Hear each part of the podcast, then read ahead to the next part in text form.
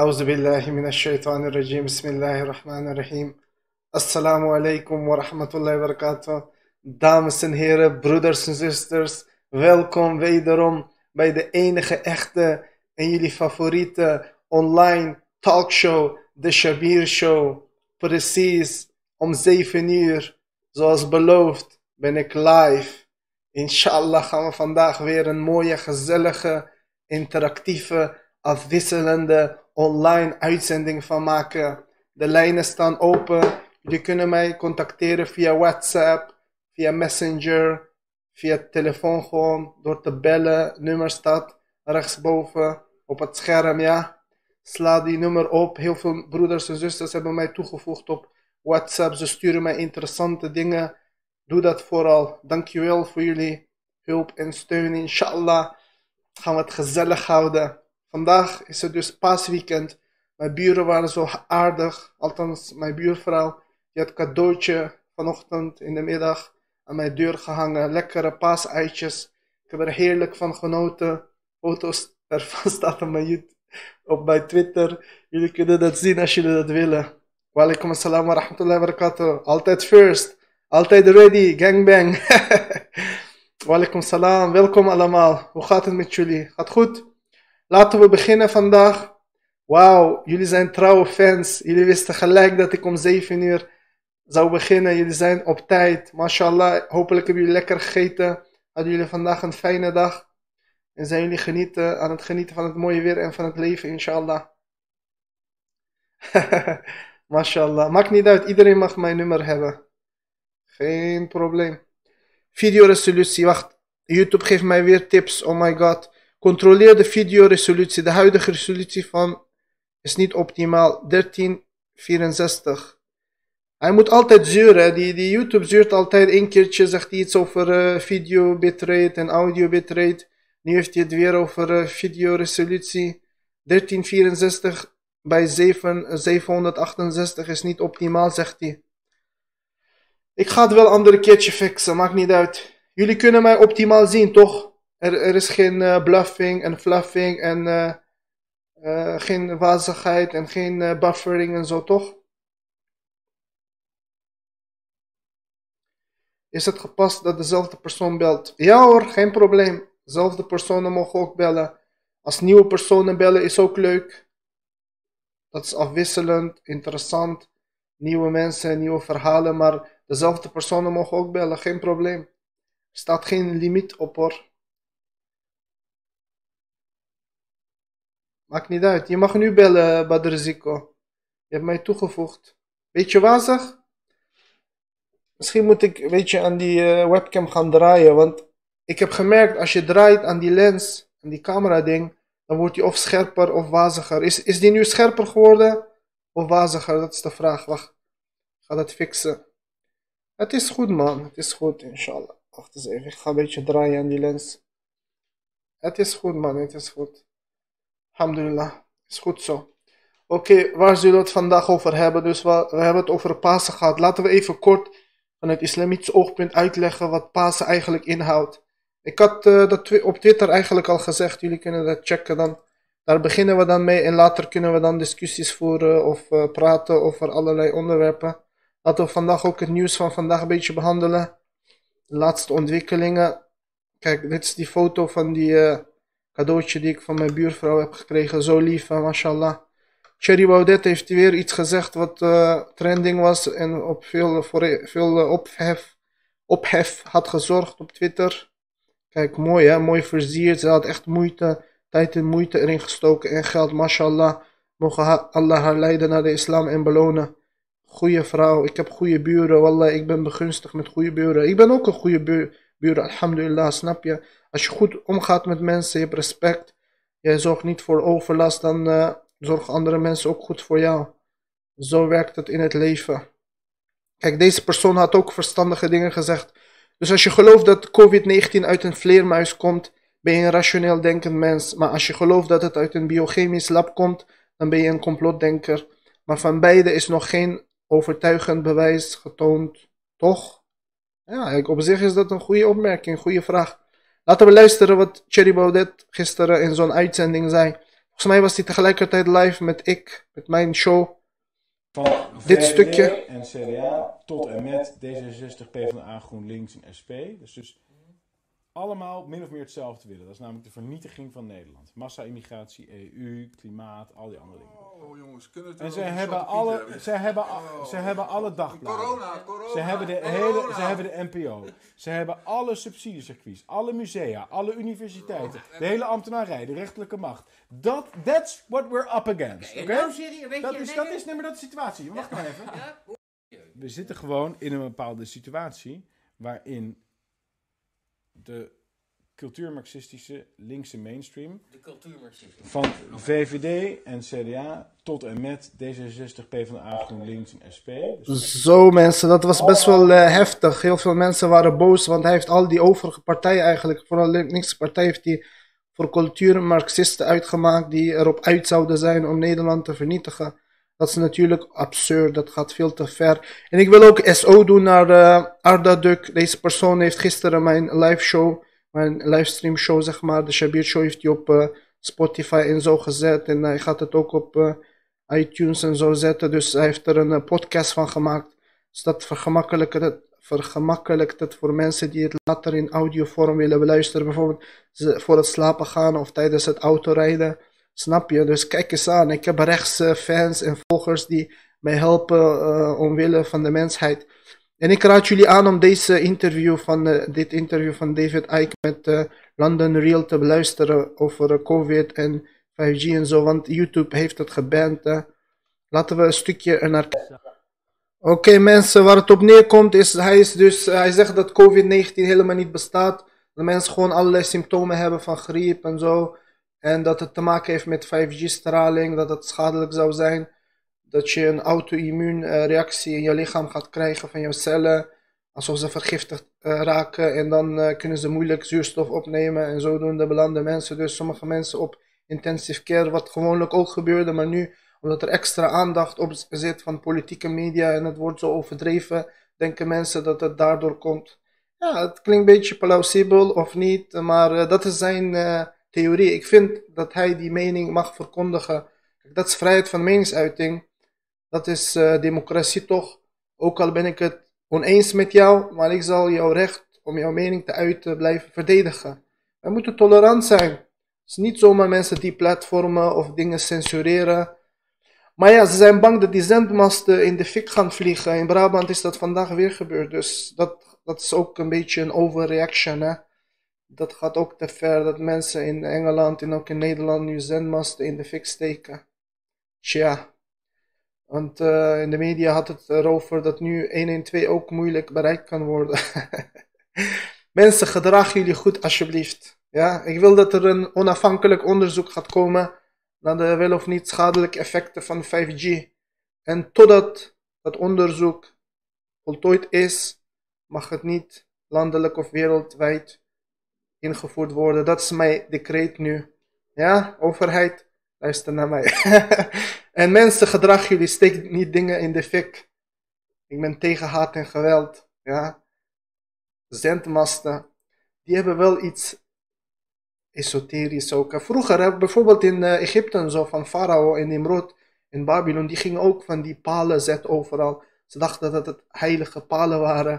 Volgens mij gebruiken ze dat ook voor bepaalde portals of connecties met onderwereld, bovenwereld, andere dimensies of zo, met andere entiteiten, energie en zo. Het zou daarmee te maken kunnen hebben, want zelfs die piramides, die waren op een bepaalde manier gericht naar bepaalde sterrenstelsels en zo. Energiestralen, ze hadden ook eh, elektriciteit, kenden ze ook al, hè. Dus ja, dat moet allemaal goed onderzocht worden. Waar waren we gebleven? Oké, ik ga jullie comments lezen, dan gaan we verder. Ik wilde nog wat zeggen over Pasen. Dat is ook belangrijk. Dan, dan kunnen mensen bellen. Jullie mogen nu ook bellen, geen probleem. Kijk, Pasen, ik wil dat jullie correct beeld gaan krijgen van Pasen.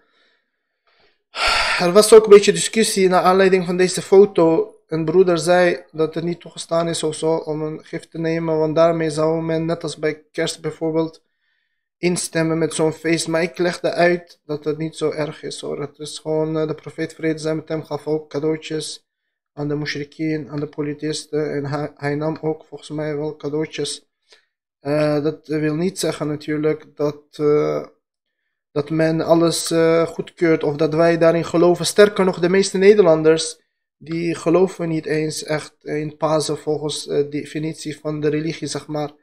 Ze houden niet zoveel rekening met Jezus en Mozes en de Bijbel. Ze willen gewoon gezelligheid, je weet toch. Mensen vieren Pasen zonder echt te geloven in, Je- Mozes of Jezus, vrede zijn met hen. En zonder zoals hen alleen te aanbidden en te gehoorzamen. Oké, er wordt gebeld. Oh, het is via WhatsApp. Wacht, wacht, wacht. Oké. Ja, ik word via WhatsApp gebeld. Hallo. Salam alaikum, broeder. Ik ga even switchen naar eh, mijn camera, broeder. Een momentje. Ja, walaikum salam wa rahmatullahi wa barakatuh. Alles goed? Goed, alhamdulillah. man. Alhamdulillah, met mij gaat het ook goed. Ben je eh, Jordi Thomas? Ja, ja, ja, klopt, klopt. Ik zie het. Ja, man. Je bent naar Parijs geweest. Wanneer was dat, broeder? Wanneer heb je die foto in Parijs gemaakt? Met de Eiffeltoren. Die foto was drie, drie jaar geleden ongeveer. Oh, vier jaar geleden.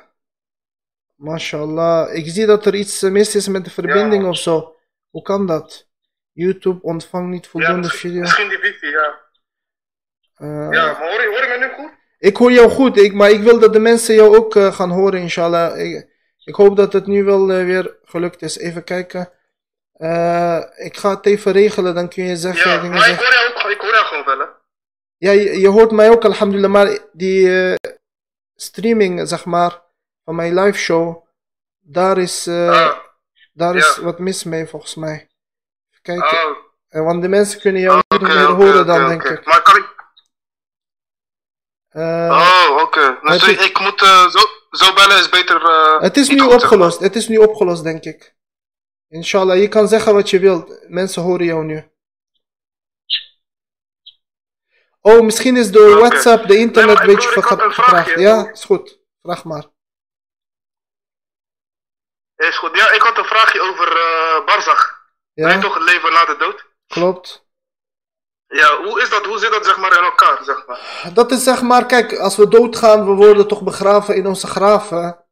Eh, Dat is onze lichaam. Dus dode lichaam komt in de grond, onder de grond, zeg maar, hè, liggen. Maar onze ziel, dat is Ja. onsterfelijk. Dat, dat, dat, dat, dat gaat naar de wereld van Barzach, zeg maar. Dat is een soort andere dimensie, waar het wacht tot de, tot de dag des oordeels aanbreekt. Dus als de dag des oordeels aanbreekt, Ja. dan gaat wa ta'ala aan die lichamen weer nieuw leven geven, toch? We worden we- wedergeboren, zeg maar, opnieuw tot leven gewekt. En die ziel komt dan weer terug in Ja. lichaam. En daarna is het of paradijs of hel. Aan de hand van geloof of ongeloof, of goede daden, slechte daden. Dus Barzach is Ja. gewoon in die mensen. Ik denk dat eh, het is alsof jij eh, in slaap bent, denk ik. Die tijd kan relatief snel gaan ook. Bijvoorbeeld, eh, als we slapen in de nacht, acht uur kan bijvoorbeeld redelijk snel gaan, toch? Voor jouw gevoel. Als je aan het dromen bent. mhm. Je kan het daarmee vergelijken, maar er is ook ondervraging in het graf, hè? Door eh Ja, Munkar en Nakir. Daar, had, ik een vraagje over. Ja, Kijk, als jij eh, slecht geleefd hebt, zeg maar, in deze dunya, zeg maar. ja, Eh, nou, ik, heb, ik heb gelezen dat, zeg maar, die eh, vragen die gesteld worden door de twee engelen, ja. Munkar en Nakir, dat je, zeg maar, het niet kan beantwoorden. Zelfs Ja. als je moslim bent, maar je hebt veel gezondigd, zeg maar. Dat kan inderdaad, want je moet echt oprechte, overtuigde moslim zijn die echt geleefd heeft volgens de islam met kennis om die vragen goed te kunnen beantwoorden. Heel veel mensen zullen stotteren, de hypocrieten en de ongelovigen sowieso, want die hebben niet eens als moslims geleefd. Maar zelfs zondaren, die zullen daar moeite mee hebben, want die, eh, ja, je zult eigenlijk simpele vragen gesteld worden van wat is jouw religie, wie is jouw God? Dan moet je zeggen Allah, wat is jouw religie, islam en wie was jouw profeet, dus profeet Mohammed. Kijk, die kennis kan, kunnen mensen wel hebben, maar als je niet geleefd hebt volgens de shahada, geloofsbeleidenis, dus het was niet echt in jouw hart gegrondvest, dan zal het inderdaad moeilijk worden, snap je? Dus het is een beproeving, zoals de beproeving van Dajjal, het is een soort fitna. En ze zullen misschien ook een beetje good cop, bad cop spelen, een beetje angst aanjagen, een beetje intimideren, snap je? Ja. Dus niet iedereen kan dat Ja. aan. Mogen En- Allah het voor ons vergemakkelijken, ja? Ja, sowieso. I mean, Amin. klopt het ook dat, eh, zeg maar, eh, de hemel, de, er zijn zeven levels van de hemel en van de hel? Zeven samawat, ja. Zeven hemelen. Ja. Klopt. Als je, als je zeg maar een grondige moslim bent, kom je op zeg maar de hoogste level eh, van de hel toch, tijdelijk? Eh, een moslim komt niet in de hel. Oh, je bedoelt de zo- zondige moslim. Kijk, het Ja, is zo. Ja. Wij hopen natuurlijk, kijk, al- als alle moslims voor de dood echt oprecht berouw tonen. eh, dus ze hebben zonde gepleegd, misschien kleine zonde of groot zonde, maar ze gaan echt oprecht berouw tonen en vergiffenis van Allah vragen. Dan kan Allah ze vergeven. Bijvoorbeeld door de beproeving van het graf kunnen zonden kwijtgescholden worden. Of in deze wereld tijdens beproevingen en problemen en ziektes toch. Op die manier kunnen ze zondes kwijtgescholden worden. Of op dag des oordeels kunnen ze ook op bepaalde manier zeg maar, eh, zonde kwijtgescholden worden. Of door hudud, zeg maar, islamitische eh, straffen. Stel je hebt de islamitische staat, iemand begaat bepaalde zonde, eh, overspel of zo. En hij wordt terechtgesteld, er zijn getuigen en hij krijgt die straf, die hudud, zeg maar. Dan, dat is ook een manier om zijn zonde kwijtgescholden te laten worden. Dus het kan zo zijn dat, dat hij uiteindelijk helemaal gezuiverd wordt eh, van die zonde. Dus dan kan hij alsnog naar het paradijs zonder naar de hel te hoeven gaan. Maar het is mogelijk, theoretisch gezien, dat sommige moslims ook tijdelijk in de hel kunnen komen om helemaal gezuiverd te worden. En daarna kunnen ze alsnog naar het paradijs. Ja. Ja, en eh, zeg maar, met die onderdrukking in het graf, hoort dat ook zeg maar, bij een van de straffen die je dan krijgt? Als je zeg maar. eh, Ja, dat kan ook een eh, vorm van straf zijn. Het is een beproeving, het is een soort fitna. En dat kan ook voor bepaalde mensen een vorm van straf zijn, inderdaad. Maar voor echte gelovigen kan zelfs Allah subhanahu wa ta'ala dat verlichten en eh, vergemakkelijken. Dat je eigenlijk al voorbereid wordt op het paradijs terwijl, terwijl je in het graf ligt of in barzach bent. Dat als het ware een, een window, zo'n raam gaat open naar het paradijs. En jouw plek wordt Ja. gewezen dat je al... Dat, dat vergemakkelijkt dat proces, zeg maar, voor een echte gelovige. Maar voor de zondaren en onrechtvaardige mensen en onderdrukkers en ongelovigen zal het wel hard worden daar. Moeilijk. Mhm. Ja. Oké, oké. Nee, wil ik even vragen. Van, eh, ik wil een beetje opheldering vragen. Want ik lees veel dingen, maar ik wil wel eh, de juiste bronnen lezen. Ja, dat is een goede vraag. Ik doe sowieso ook elke dag onderzoek. We moeten de hadith lezen, authentieke overleveringen, Koran. Om deze dingen nog beter eh, te kennen natuurlijk. Ik ben ook niet de grote geleerde of zo. Dus eh, ik probeer ook Ja. eh, gewoon met bronvermelding en met bewijzen te spreken, inshallah. Inshallah. Is goed man bro, ik laat even goed. de andere mensen... eh, Is goed, dankjewel voor het bellen. Goedenavond verder. Salam alaikum. Het is verbinding, alles is nu weer, weer in orde, hopelijk toch. Het is opgelost. Maar ik was eventjes gebleven bij die paas. Ik wil die tweet even afmaken, want mensen moeten wel duidelijkheid eh, verschaft worden. Kijk, mensen vieren paas zonder echt geloven in, in Mozes of Jezus, vrede zijn met hen. En zonder zoals hen God alleen te aanbidden en te gehoorzamen. En zonder de, die profeten te volgen. Dus, dus dat is een beetje apart. Hebben jullie dit gezien? Hè? Dit lijkt authentiek van het ministerie van Volksgezondheid te komen, maar het is natuurlijk een grapje. ik hoop niet dat sommige mensen hierin ge- getrapt zijn dat ze dat echt gedaan hebben. Subhanallah. Kijk, op mijn shows komen weer op Twitter. Kunnen mensen daarna nog terugkijken of eh, uitzending gemist kijken. Handig hè? Oké, nu gaan we even jullie comments lezen, inshallah. Mensen kunnen ook bellen tegelijkertijd natuurlijk.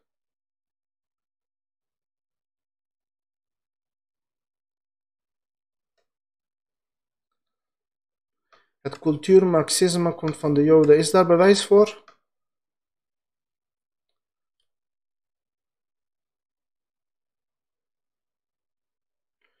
Elites geven een verwaterde weergave van de werkelijkheid. London is nep, anders had het niet zoveel views. De elite zou dat niet toelaten. Ja, daar heb je wel een punt inderdaad. Hij heeft wel, hij heeft wel een hoge bloeddruk. Dat ook, maar hij heeft ook arteriolotis of zo. Noem je dat? Arteritis. Zo'n, eh, hij heeft een beetje gebogen, rare vingers. Hoe noem je dat? Wacht, ik ga even googlen. Arthritis. Rheumatoid arthritis. Reuma. Dus ja, maar hij was ooit uh, sportverslaggever en hij was zelfs een voetballer. Opeens kreeg hij een soort van inzinking. En ze, gingen hem eerst uitlachen. Hij was bij zo'n talkshow, hè. Uh, hij had het over aliens en zo. Ze gingen hem echt uitlachen. Maar langzamerhand, uh, afgelopen 20, 30 jaar, ging hij boeken schrijven. En steeds meer mensen namen hem serieus. En nu, als hij soms lezingen geeft, heeft hij volle zalen, zo zie je maar. Ik denk dat ze met deze corona-ding gewoon willen testen of de bevolking goed luistert naar de overheid. Ze konden 5G ook plaatsen terwijl iedereen gewoon op straat, liep, op straat liep. Want schapen zouden gewoon denken.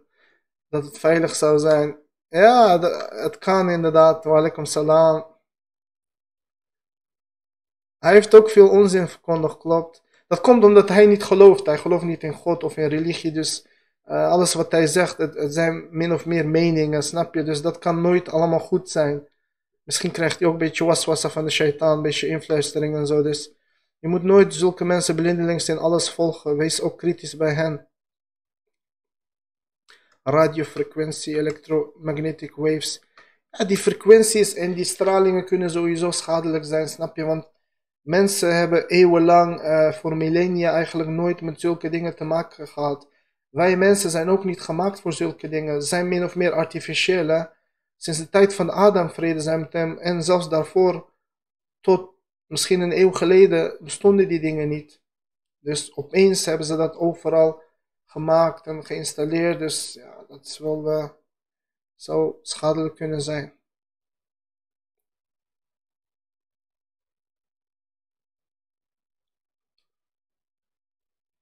Kan kanker veroorzaken.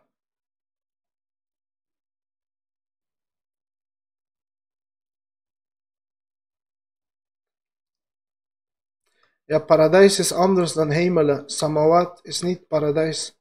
Jannah is weer aparte dimensie.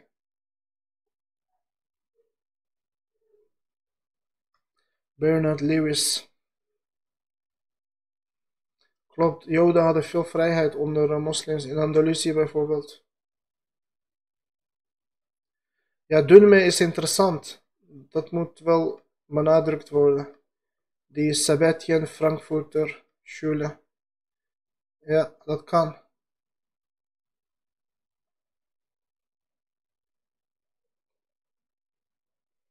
Oké. Breivik had het ook vaak in zijn manifest over eh, cultuur, marxisme. Dus het is apart dat Baudet daar ook over begint.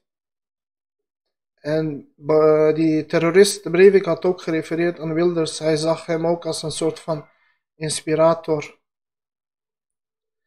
Ik hoop dat binnenkort de derde deel van de Sira van Abu Hafs eh, online komt. De Sira van de profeet verteld door Abu Hafs, zeg maar. Ik vind dat hij het eh, altijd goed eh, uiteenlegt. Hij gebruikt ook meerdere bronnen, onder andere Anwar al-Awlaki. Kijk eens aan, privénummer. Hallo, goedenavond. Je spreekt met Shabir. Met wie spreek ik? Hallo? Je bent live in de show. Wat was voor een gek? Was, is dit die ene Marokkaan of eh, is dit weer een andere gek? Oh, WhatsApp. Oké. WhatsApp. Hallo. Wa alaikum assalam wa rahmatullahi wa barakatuh. Alles goed? Hoor je mij goed? Ja hoor. Oké, ik kom even- ik ben uh, je- Mashallah broeder, de eerste keer dat ik jouw stem hoor. Je bent een echte man. Ja, klopt. Alles goed? Dankjewel, broeder. Jij ook, broeder. Dankjewel, Goed, shukran. Ben je van België? Nee, broer, van Brabant. Oh, vandaar. Mooi accent broeder. Mashallah, zachte G. Dankjewel, broeder. Vertel Wat ik wil broeder. zeggen, weet, Ja. je waarom, weet je waarom Thierry Baudet, weet je waarom Thierry dat wil, wil, wil doen? Hij Ja, gebruikt echt precies eh, zelfs tactieken die christenen deden, ja. die in Spanje tegen moslims. Laat maar zeggen, wij, wij, wij breiden ons veel uit. Inquisitie. kinderen. De inquisitie, zeg maar. Hij wil de neo-inquisitie instellen. Juist, om om ze weg te werken, snap je? Ja, ja, ja. Stap voor stap, zeg maar. Juist, daarom doet hij zulke Hij dingen. is gevaarlijk, man. Gevaarlijk gast. Dat is gevaarlijk, man. Ja, Maar je ziet man. gewoon geschi- geschiedenis. Geschiedenis die herhaalt zich, hè. Ze Ja. gebruiken dezelfde tactieken, Klopt.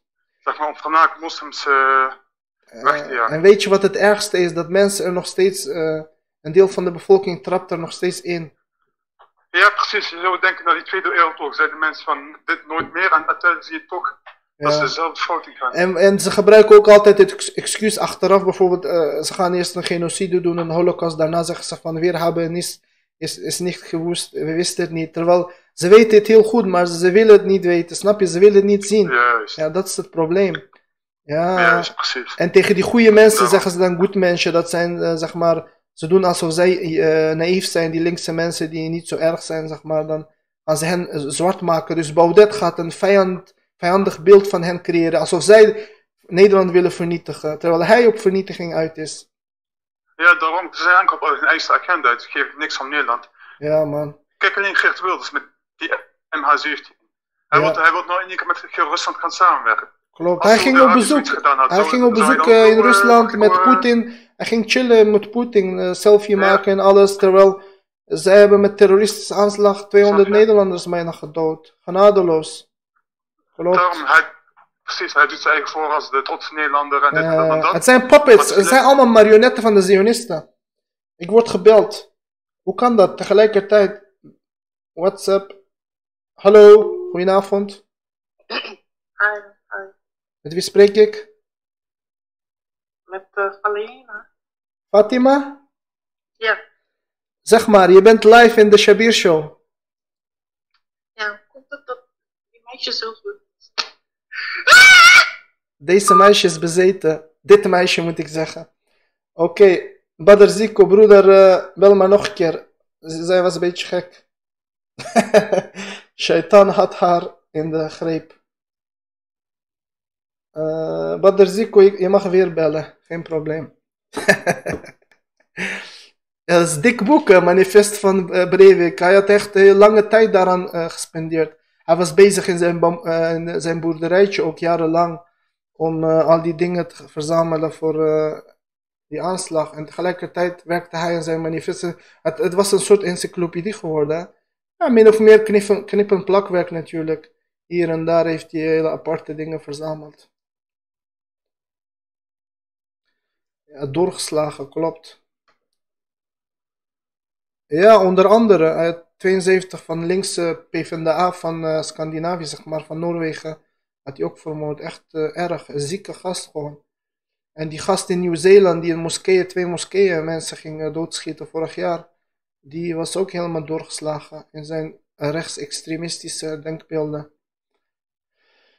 Incel en zo. Zijn losertjes ook, hè. Ze kunnen niet eens vriendin krijgen, zulke mensen. Ze worden incel. Vroeger gingen ze naar het klooster, volgens Dennis Honing. Nu worden ze zo. Ik heb niet opgehangen, zij ging ophangen. Ik, ging niet ophangen. Tien jaar lang, wow. Psychopaat. Ja. Maar mensen, bel maar. Bel maar, maar spreek gewoon normaal. Probeer niet grappig te zijn. Doe normaal, dan doe je al gek genoeg. Eh, dus eh, broeder eh, Badr ik heb jou niet opgehangen. Toen ik met jou aan het praten was via WhatsApp, belde dat gekke meisje, zeg maar. En daardoor is ons gesprek, zeg maar, stopgezet. Ja, hallo, met Shabir.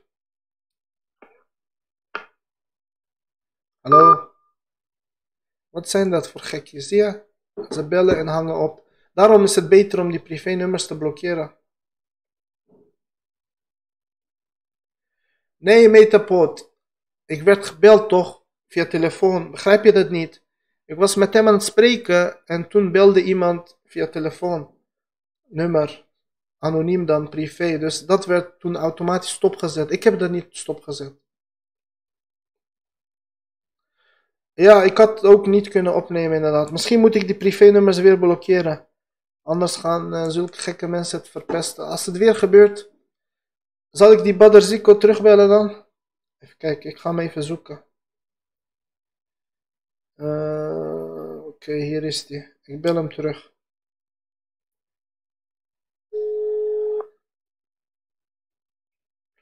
Ja, dat meisje was zenuwachtig misschien, kan ook.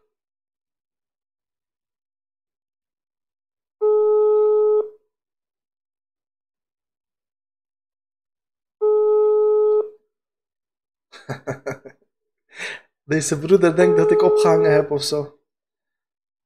Nu wil hij niet meer. Kijk je nog mee, Badr?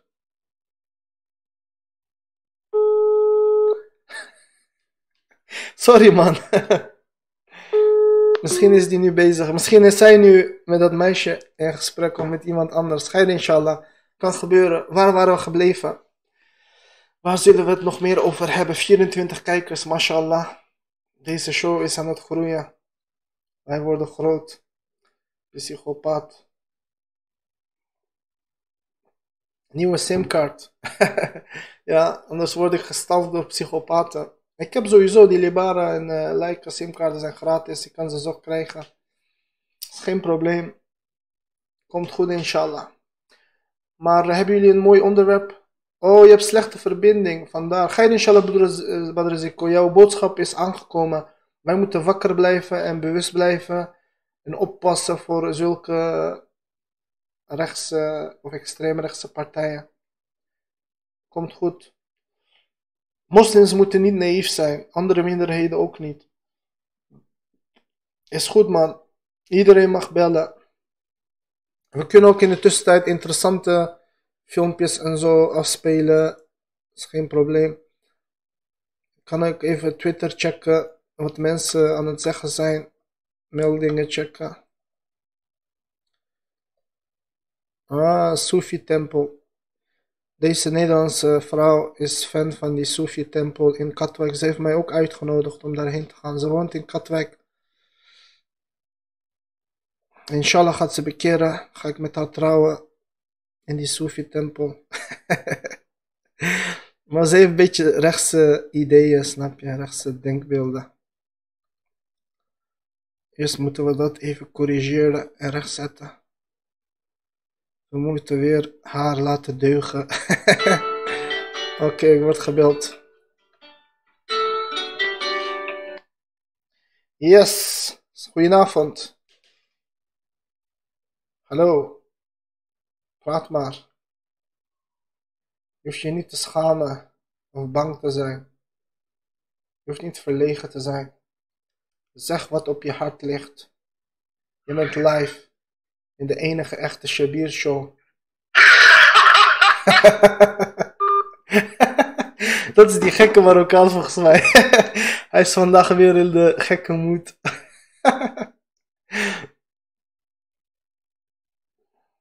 Walaikum salam wa rahmatullahi wa barakatuh. Mashallah. Tanneke, Sofia, Johanna, Van Burg, Van Burg. Hele volle mond. Paspoortnaam heb jij gezet. Mashallah. Wanneer ga je beginnen met vloggen, zuster? ja, vier vrouwen toch? Laatst was een bekeerde zuster die met mij wilde trouwen. Ze had mij toegevoegd eh, via andere zuster op WhatsApp.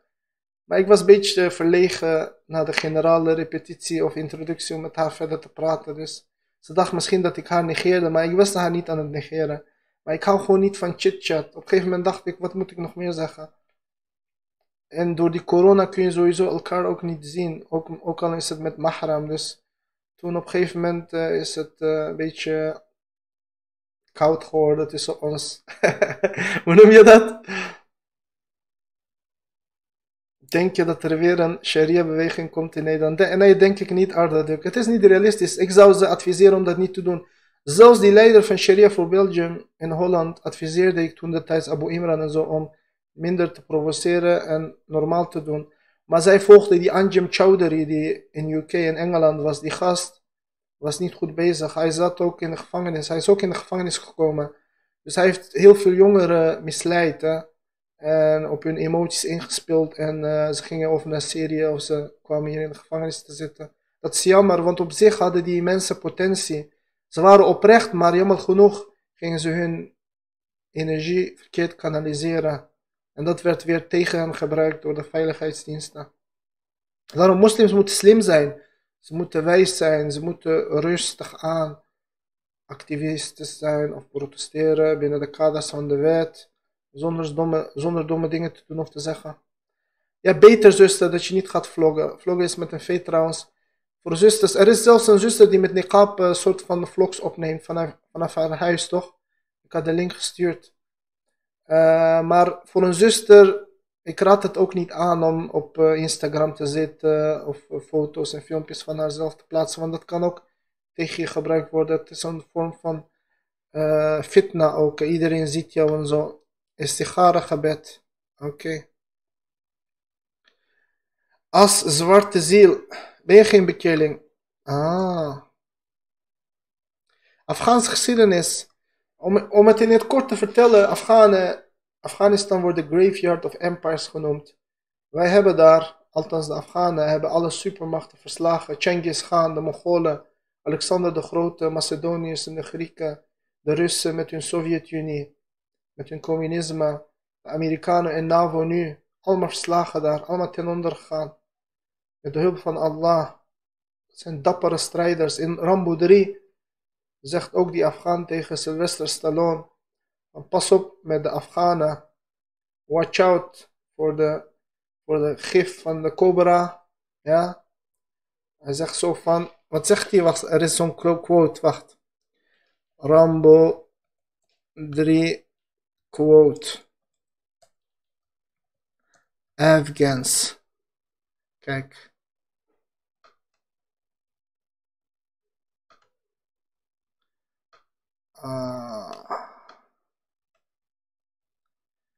Dus ja, hij zegt zo van pas op voor de gif van de cobra, voor de slang en, de, en de revenge of the Afghans en the teeth of the tiger. ja man, Afghanen, kijk Mullah Omar, subhanallah, Afghanistan is een arm land hè, maar zij hebben rijkdom van iman in hun hart, geloof. Dus Mullah Omar, de leider der gelovigen van de Islamitische Emirat van Afghanistan, leider van de Taliban, hij werd niet geïntimideerd door Bush en zijn dreigementen van Amerika, van lever Osama Bin Laden over, ga Sharia opzij zetten, vernietig niet de Boeddha-beelden. Hij zei nee. En hij ging ook drugs verbieden, snap je, totaal papaver verbod, met één decreet. Uiteindelijk na 18 jaar zegt Trump, wij gaan ons terugtrekken, ze hebben verloren, die oorlog verloren, zijn vernederd. Terwijl zij supermacht zijn, min of meer, toch kernwapens, alles, maar dat werkt daar niet. Afghaanse bergen zijn sterker. En de mensen natuurlijk daar, de mu'minin, de gelovigen.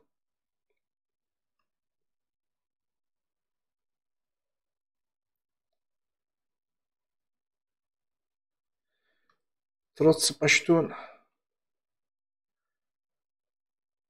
Wij zijn Aryans. Pashtunen zijn ook, uh, zeg maar, Indo-Europeanen. We zijn Aryans. Aryans, toch? Aris. En subhanallah, ik kreeg een droom. De volgende ochtend in die droom werd het duidelijk dat ik het toch moet houden bij mijn toekomstige baan, bij mijn Pakistanse vriendin. Ja, zuster, beter, wallah. Het is goed voor jouw haya en schaamte en ook voor jouw religie, denk ik. Om niet te veel uh, jezelf uh, aan de World Wide Web, zeg maar, bekend te maken. Ook voor privacy is dat beter. Hoezo uh, moet ik mijn baard wegdoen, uh, Adam? Joh? Wat zeg je allemaal? Mijn baard moet juist langer worden. Ik ben 28, alhamdulillah. Hazara zijn nakomelingen van de Mongolen, van Genghis Khan. Snap je? Zijn geen oorspronkelijke Afghanen. Net als de Tajiken en de Oezbeken. Wanneer komt Salahuddin op de Shabir Show? Hij is welkom, hij mag bellen. Jullie mogen ook met mij skypen. We kunnen ook Skype zo regelen op Google Hangouts en zo. Dat jullie met beeld met mij kunnen spreken. Dat is ook uh, mooier voor de mensen thuis. Want dat doen ook andere mensen nu bij Café Welshmers en ook andere mensen die praten via Zoom of Skype met elkaar, met beeld. Zelfs conferenties kunnen wij houden met meerdere mensen. Dat is gezelliger, toch? Laten we dat doen. Laten we dat regelen, inshallah. Wij zijn sterk, maar Berbers waren ook sterk. Berbers, Amazigen, die hadden ook Spanje bevrijd en zo.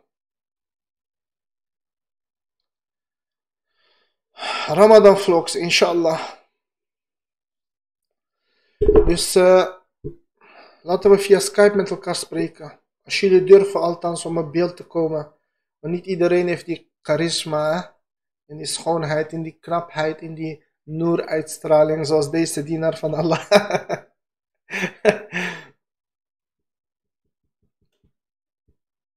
Andere mensen kunnen ook bellen. Kijk. Hallo. Goedenavond. Goedendag, uh, spreek ik met Shami? Ja hoor. Hi, ik wil meer uh, informatie over islam. Kan het uh, nu snel? Waarom praat je zo snel? Ik heb haast. Ik heb, ik heb echt last van autisme. Ik ben gek. Ah, je bent die gast. Ik kan alsjeblieft snel, alsjeblieft. Dit is dezelfde gast. Heb je internet of niet? Shami, ik heb echt nu hulp nodig. Ik heb echt veel informatie nodig. Alsjeblieft, heel snel. Alsjeblieft. Google, Google. Vraag Sheikh Google. Sheikh Wikipedia. Alsjeblieft, Shami, Shami, Shami, Shami. Ik ga toch maar die privé-nummers weer blokkeren. Anders worden we lastig geworden door deze bezeten gasten. Ik heb daar geen zin in, weet je. Ik wil mijn kostbare tijd, eh, energie niet eh, verspillen. Alle onbekenden blokkeren. Of nee, privé onbekende nummers blokkeren. Kijk, goede filters, weggejorist. Zoals ze bij geen stijl zeggen, weggejorist. Noormannen, de Vikings.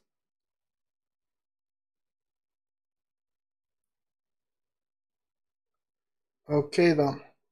Zijn er geen normale mensen meer die, die gewoon bellen en inhoudelijk kunnen praten en gewoon rustig, zonder gekkigheid en ruïne? Anders kunnen we het afsluiten voor vandaag. Hopelijk wordt het morgen interessanter dan. Ik moet, ook, ik moet me beter voorbereiden ook. Dat ik gewoon bepaalde scènes heb. Zoals een echte show. En dat laat afspelen. Bepaalde filmpjes. Op de juiste volgorde zeg maar. Bepaalde artikelen behandelen. Zoals de Jensen show zeg maar. Dat kan ik ook doen. Of van tevoren opnemen. Dan hoef ik niet live te komen. Ga ik, ga ik het gewoon een uurtje zelf in elkaar zetten. En uploaden. En dan moeten jullie wel ernaar kijken natuurlijk. Hè. Snap je? Dat kan ook. Je moet een beetje improviseren met elkaar, weet je, experimenteren om er iets moois van te maken. Kijk, 25 mensen kijken nu. Wij moeten de tijd goed besteden. Bepaalde echte nummerbeeld. Hallo, goedenavond, u spreekt met Shabir. Goedenavond. Hey, Eh, alles als goed? zwarte ziel. Oh, je had Nou. eergisteren ook gebeld, of niet? Ja, klopt ja. Ben je die landbouwman? Landbouwman. Ja, Hoe toch? je? Je werkt in de landbouw? Ik, eh, Ja. ik werk, nee, ik werk niet in de landbouw. eh. ik doe HBO dus. Oh, maar je had wel een landbouwbedrijf, toch? Ik, nee, nee, ik heb geen landbouw. Oh, dat was die andere persoon dan. Maar je bent wel van Twitter gekomen, of niet? Ja, ja, we zitten, zitten een beetje in de groep en dan... eh, Eh, trouwens, ik ben vergeten om, om de link van deze live show in Twitter te delen. Dan konden we meer kijkers bereiken. Maar vertel, wat, wil je, Oh. wat heb je op je hart vandaag? Je mag zeggen, je bent live. Oh ja, ik had nog het argument van gisteren. Ja? En eh dat, wou, ik- dat, dat wou ik nog eh, even ja, iets beter nog verwoorden. Oh ja, je had gisteren gebeld. Ja, ja, nu weet ik wie je bent. Oké, ga verder. Met dat, eh, ja, Over Jizya. Jernas, van dat, eh, die, die studie. Ramatour Singh. Jernas Ra Ramatour Singh. Tousing, ja. ja, hij is dat weer van eh, Stefan Molyneux. Oké. En die heeft heel veel filmpjes erover gemaakt. Moet je maar eens een keer kijken. Ehm, die, die Molyneux is ook eigenlijk net zo'n beetje als Thierry Baudet. Die, is ook, die wil ook heel graag gelovig zijn. Maar er zijn nog eh atheïsten of agnostisch. Heel filosofisch per- persoon. En dat even ter promotie. maar nu kom ik op een punt. Ik ben altijd een beetje langdradig. Maakt niet uit, je hebt alle tijd hier. Je hebt alle tijd. Vertel maar. Nou, die Molyneux, jij zegt dus van die externe factoren, hè? Dus daar had jij het over. Dat was een leuke uitwisseling die we hadden. Ja? En dan heb ik nog als tegenargument dat er in eh, de Amerikaanse staat Minnesota Mhm. is er een onderzoek gedaan naar ehm, eh, zwarte kinderen die groeien op in eh, blanke gezinnen Ja? en in, in, in pure zwarte gezinnen. Oké. En dan eh, in het blanke gezin hebben ze meer voordeel. Ja, privileges. allemaal- ik zal even de link delen. White. De link- White privilege. Ja, nou ja, white privilege.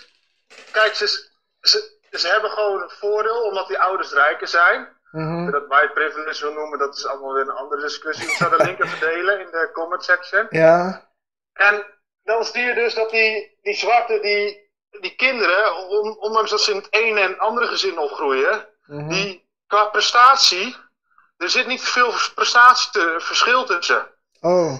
Dus ze presteren allemaal gelijk. En je Ja. zou juist denken dat ze door die betere externe factoren, Ja. dat ze dan veel beter zouden presteren. Maar ze presteren gelijk in de zin van het is gemiddeld laag of hoog. Ja, het is, ze, die, die uit het blanke gezin en het zwarte gezin, die presteren allebei gewoon lager als dat blanke kind. Oh, Oké, maar Dus wel op, is het toch gelijk. iets genetisch. Eh, ja, dat zou je kunnen zeggen, maar er, kan, er kunnen ook andere factoren meespelen die ze misschien eh, over het hoofd hebben gezien. Dat kan ook natuurlijk. Ja, maar die studie is wel heel breed gedaan natuurlijk. Dat is niet zomaar een studie. Ja, maar goed, ik zal- tussen zal- de, tussen de donkere mensen heb je ook verschillen in de intelligentie natuurlijk, in IQ toch? Sommige donkere Ja, mensen zijn klopt. slimmer dan anderen. Dus het kan zo zijn dat zij toevallig bij die twee families, zeg maar, misschien eh, een beetje dezelfde soort eh, mensen hadden genomen. Dat kan toch? Ja, maar het, zijn, het, zijn, het is wel een, een, een, een, ja, een, een, hoe noemen we dat? Even, wel een goed onderzoek dat het niet met twee gezinnen is gedaan. Het is wel met heel veel Oh, mensen gedaan. En dat je echt gemiddelde verschillen krijgt. Want je kan Ja, iemand nooit, je kan iemand nooit beoordelen op, Ja. op, op, op gemiddelde, hè? Dus zijn Dus conclusie, van- ja, ik begrijp wat je bedoelt, maar zijn conclusie en punt is eigenlijk dat donkere mensen over het algemeen, dus eh, ook al hebben ze dezelfde omstandigheden als blanke mensen, ze zijn wat dom. Daar komt het op neer. Ja, ze hebben wat minder vermogen om, om, om te leren, zeg maar. Informatie op te nemen. Ja, om, om, ja, om dat te doen, ja. ja. Dus dat is... Of bepaalde vaardigheden natuurlijk, want kennis en informatie is niet enkel intelligentie. Bij intelligentie spelen ook andere dingen een rol. Bepaalde vaardigheden dat je snel kan anticiperen of zo. En problem Ja. solving skills en zo. Maar jouw argument snap ik ook heel erg, want daar heb je ook heel veel voorbeelden van. Want als je kijkt bijvoorbeeld naar Noord- en Zuid-Korea, Ja, die zijn genetisch gezien hetzelfde. oké. Maar door, doordat ze politiek zo anders zijn, Mhm. heb je toch een hele andere levensstandaard. Ja, ja, ja.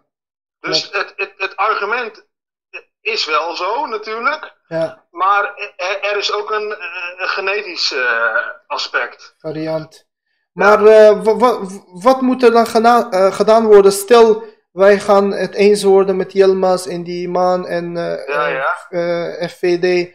We komen Ja. erachter dat inderdaad de blanke mensen wat slimmer zijn. Wat moeten we dan doen? Moeten we die aan mensen naar de gaskamer sturen, die anderen? Nee, dat niet. Maar het hele idee, het hele idee van white privilege is erop ge, op gericht. Ja. Ja. Dat komt er vandaan.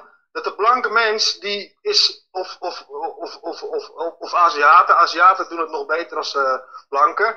Maar dat, die, dat, die, eh, dat verschil, dat het een on- oneerlijk verschil is. Ja, ja, ja. En nu is dat verschil dus te verklaren. Dus dan heb je dat hele, ja. dat hele idee van white privilege is dan ontkracht als het ware. Ja, maar kijk, als je historisch kijkt, kijk, soms had Dennis Honing hier ook over eh, bij Café Westmers.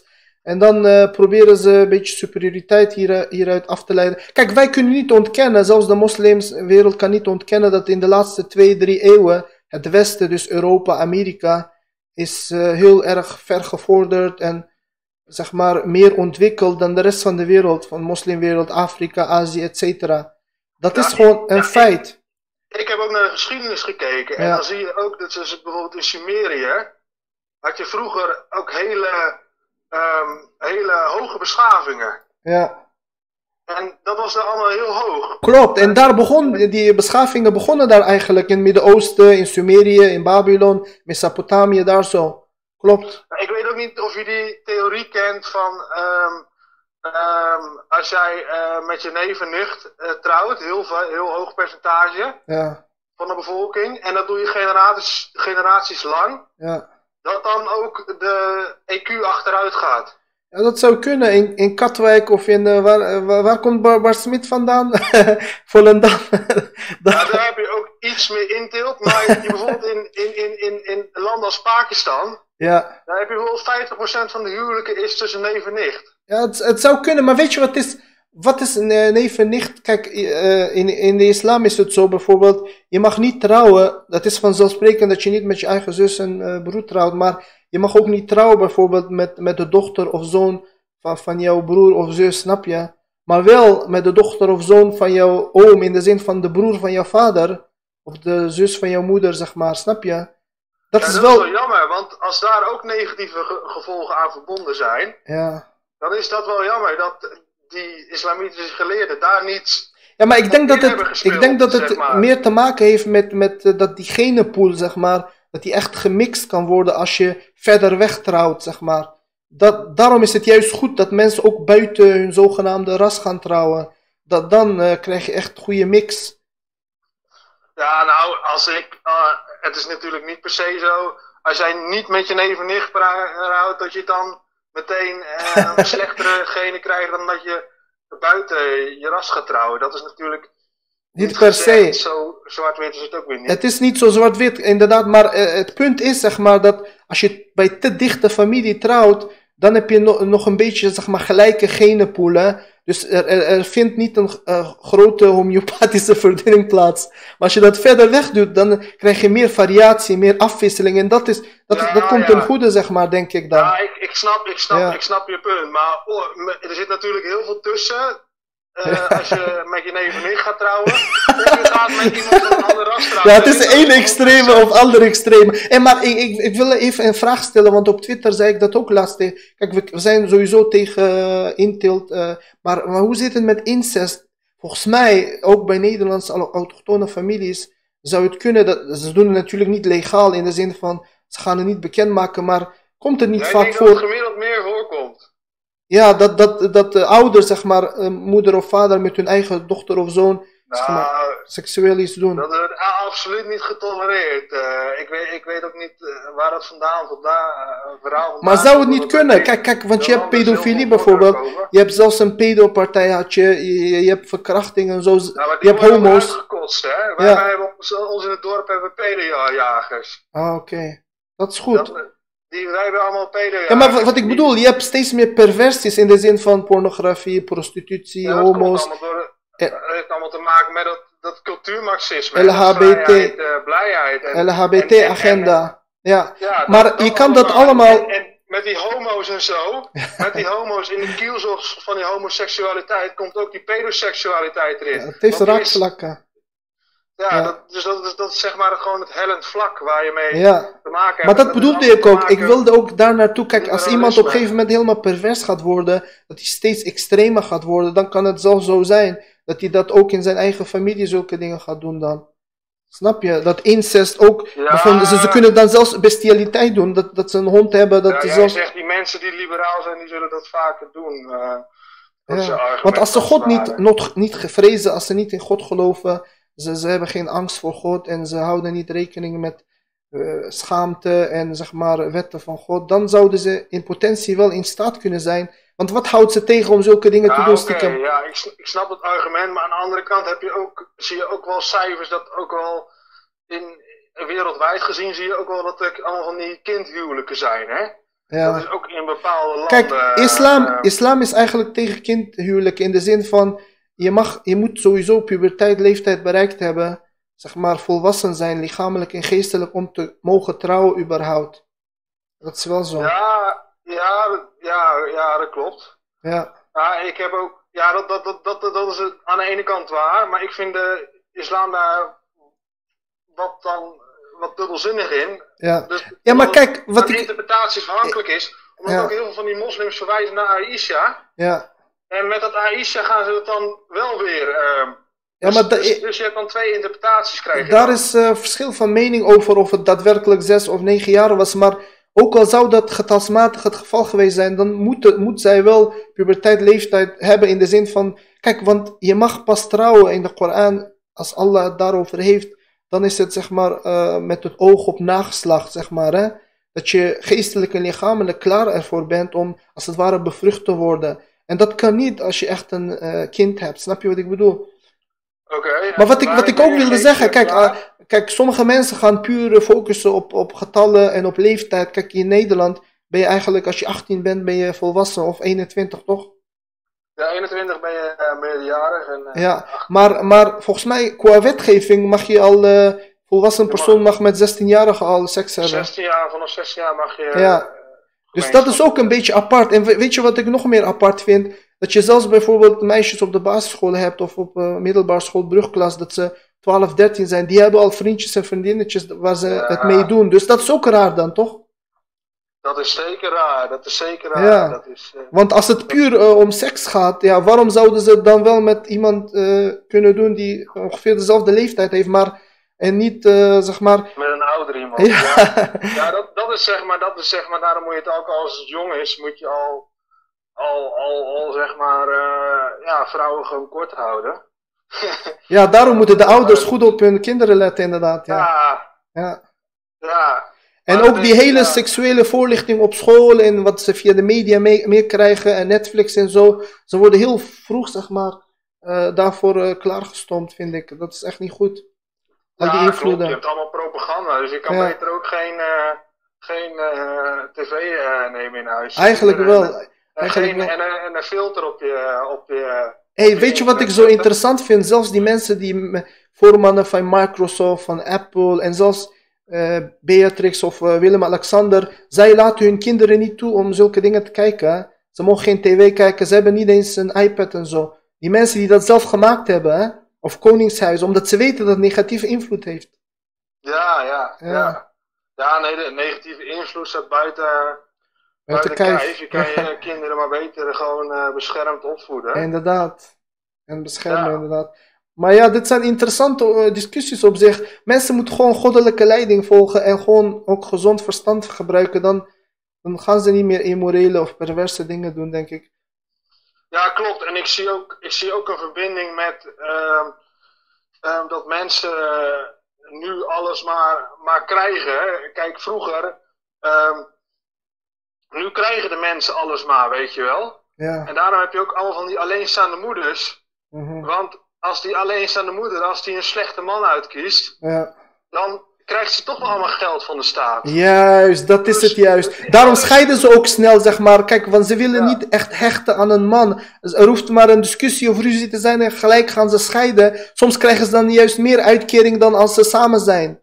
Ja, Ja, dat, dat is het inderdaad. En dat, dat, dat stimuleer je eigenlijk. Dus we zitten Precies. nu eigenlijk gewoon met z'n allen te stimuleren dat er steeds meer, meer en meer alleenstaande moeders komen. ja maar dat erg. ja, ik vind dat, dat, dat ook wel, dat de de hele rechtse beweging, vind ik gewoon, eh, ze noemen dat met een duur woord, eh gynocentristisch. Dat is dan Mhm. zeg je dat vrouw, de vrouw vind je heel snel, eh, eh, ja, de vrouw zet je, heel, zet je in het middelpunt, dus die vind je heel belangrijk. Ja, En dan gaan ze ook steeds denken aan het belang van de kinderen. Ja, maar als we geen geld hebben, dan, dan, dan worden die kinderen slechter.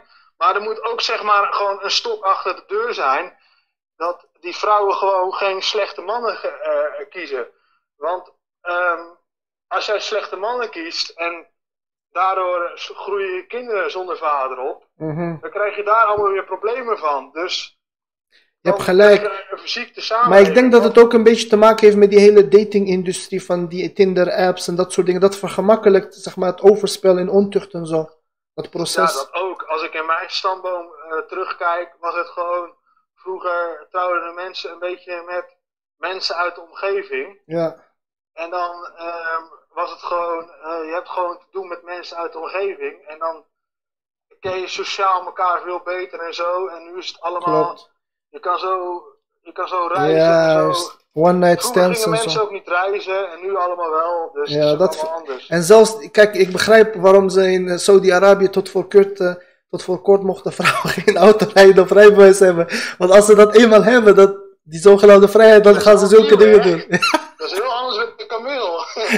Een vrouw op een kameel dan op een auto. Ja, niet alleen dat, maar dat vergemakkelijkt ook bijvoorbeeld, ze gaan sneller zinnen doen, zeg maar, ontucht, overspel. Snap je wat ik bedoel? Ze gaan sneller, zogenaamde seksuele vrijheid, dan gaan ze sneller eh, vreemd en zo. Ja, ja, dat, dat, dat, klopt helemaal. Dus ja. het ging vroeger inderdaad ook traditioneel gezien bij de Afghanen, bij moslims via de familie gewoon. Familie kende iemand en zo stelden ze elkaar voor. Er ging een hele proces daarom vooraf. Dus je ging iemand echt goed leren kennen en ook in families, waardoor mensen langer bij elkaar bleven.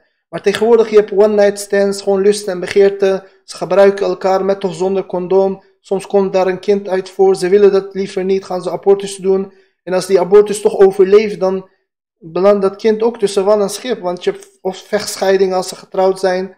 Ja. En als ze niet getrouwd zijn, hebben ze weer een stiefvader, weer iemand anders. En dan, dat wordt chaos. En dan krijg je die kinderen, kinderzorg. Die, die gaat ook vaak mishandelen. Ja, en zelfs verkrachten en zo. Klopt, misbruik komt eh, aan te pas. En dan heb je een hele staatsapparaat die kinder... Hoe noem je dat? Die kinderzorg of eh, die... eh, Ja, de ki- kinderbescherming, ja. ja, uit huis kan ook plaatsen. weer misbruik Precies. worden kinderen in een gezin gezegd, Ja. gezet waar geen biologische ouders. En dat is ook met adoptie is dat ook zo onnatuurlijk, hè? Ja, ja, ja. Adoptie en zo. Klopt. Vooral, kinderen- vooral als homostellen kinderen gaan adopteren, dat is heel raar. Ja, dat ook. Want het is gewoon statistisch bewezen dat een kind eh, het beste kan opgroeien bij zijn biologische moeder en zijn biologische vader. Daar is gewoon allemaal onderzoek naar gedaan. Ja, klopt. Dus dat is ook dat is logisch. gewoon- Ja. ja, de nu- nuclear family noemen ze het in het Engels. Dat werkt gewoon het beste. En, Ja. en, en, en, en daarom moeten we dat ook gewoon. eh, ja, eigenlijk die andere vormen moeten we gewoon verbieden. Je hebt nu ook allemaal vrouwen die. die die kunnen dan spermadonatie Ja, doen en zo. Alles is mogelijk. En die transgenders. Je, die- je, kan nu voor God spelen. en Ja, echt erg, man. De shaitaan heeft eigenlijk bereikt wat, hij- wat hij wilde. Gewoon de hele schepping veranderen. Want nu heb je die transgenders die letterlijk van man naar vrouw gaan en van vrouw naar man. En ze gaan zelfs hun geslachtsdelen veranderen. En zelfs mannen kunnen zwanger worden tegenwoordig. Ja, Gekke Ja, wereld. En dan heb je die genderneutrale toilet discussie. Ja, die heb je al op de universiteit. Die- Speelgoed zelfs. Genderneutraal In speelgoed. Utrecht heb je dat dus. Genderneutrale Jongen, jongen. Echt gek, hè. dat is echt eh, helemaal uit den boze. Ze zijn helemaal de weg kwijt. Maar dat komt omdat als mensen eenmaal hun natuurlijke aanleg fitra verlaten, zeg maar, de goddelijke leiding, dan, gaan dan gaan ze de gekste dingen doen, snap je? Dan doen, dan doen ze echt de raarste dingen, want dan volgen ze eigenlijk de duivel gewoon. Ja, Ja, man. Interessante discussie. We hebben interessante inzichten. ik heb ook wel eens gelezen over de, de. Ja, dat een beetje bekend bent. Wie, wie? De Pastunwali. Paston, Pastafari? Nee, Pastunwali. Oh, Pashtunwali, een soort van cultuur en traditie van de Pashtunen, ja. Ja, wat, wat vind je ervan? Kijk, ik vind die, die dingen ervan die overeenkomen met de islam, vind ik goed, maar die dingen die botsen met de islam, daar ben ik geen voorstander van. Oh, oké, dus jij Ja. bent geen voorstander van. Nee, niet alles. Ik ga niet zomaar blindelings bepaalde cultuur. Kijk, want cultuur en tradities, dat zijn menselijke concepten, dat zijn menselijke dingen die mensen hebben Ja, verzonnen. Dat kan nooit 100% goed zijn. Maar wat van God komt, dat, dat, dat, daar ben ik volledig voorstander van. Maar wat mensen gemaakt hebben, een menselijke constructie, dat, is, eh, dat bevat mankementen. Ah, ik vind het wel ehm, fijn om aanvullende regels te hebben Ja, naast, eh, naast mijn religie. ja dat mag ook. ik, Dat, merk, dat wordt ik merk dat mijn religie tekortschiet. zo- Als ik bijvoorbeeld kijk naar de oude Germanen. Ja, ja, eh, ja. De oude Germanen hadden op, de, op verkrachting hebben de doodstraf. Oké, Da- dat is gewoon, dat is, dat is onze oude wetgeving. dat is apart. dat, dat, dat vind ik wel, Barbaars. qua cultuur vind ik dat wel Je hebt gelijk. Kijk, zelfs in de islam eh, er wordt ruimte geboden, zelfs in de sharia voor urf, dat wordt urf genoemd. Dat zijn zeg maar menselijke, culturele gewoonten die, die, die, die correct zijn. Die, die, die mag ook. Dus een soort van aanvulling inderdaad. Zolang het niet botst met de principes van de religie, mag het. Ja. Klopt. Oh, Oké, maar Spassenwali nog op verschillende. Ja, niet alles. De meeste dingen komen ermee overeen. Ik, ik denk, sommige, er is ook een theorie dat de Pashtuns afstammen van een van die tribes van de Lost Children of Israel. Dus dat wij de oorspronkelijke Bani Israël zijn, die kinderen van Israël, zeg maar. Hè? Die in het Oude Ja, dat Testament. ook over de Germanen, heb ik ook zo'n Ja, dat, dat is een theorie. Dus ze zeggen dan dat die Pashtunwali ook een soort van eh, traditie is die overgeleverd is, die eigenlijk van de Israëlieten komt. Want sommige dingen komen daarmee overeen. Maar de, Want wij hadden, de oude Germanen hadden ook een hele andere wet en regelgeving dan... eh, Ja, dat komt. Maar misschien de eerste Germanen waren heidenen, of niet? Ja, klopt, ja. Ja, ze waren wel heidenen, maar ze hadden wel... Ik denk dat Passoen waren ook eerst heidenen. Dus, Of boeddhisten. Ze hadden van alles en nog ja, wat inderdaad. Later is de islam... Kijk, sommige mensen denken dat de islam pas sinds profeet Mohammed vrede zijn met hem gekomen is. Maar kijk, wij geloven eigenlijk dat de islam er altijd was, zelfs sinds de eerste mens. Want dat betekent onderwerping, overgave aan God. Dus wij geloven dat al die gelovigen, al die profeten, sinds het begin van de schepping en van de mensheid waren moslims, volgens de definitie van het woord, dat zij in God geloofden en God alleen aanbaden, snap je? En wij geloven ook dat eerst monotheïsme was, pas later is polytheïsme en heidendom en zo gekomen. Maar sommige sociologen die, die keren het om, die denken dat, dat zelfs God een idee is wat door de mensen later ontstaan is, een religie. Maar islam is toch ontstaan onder de...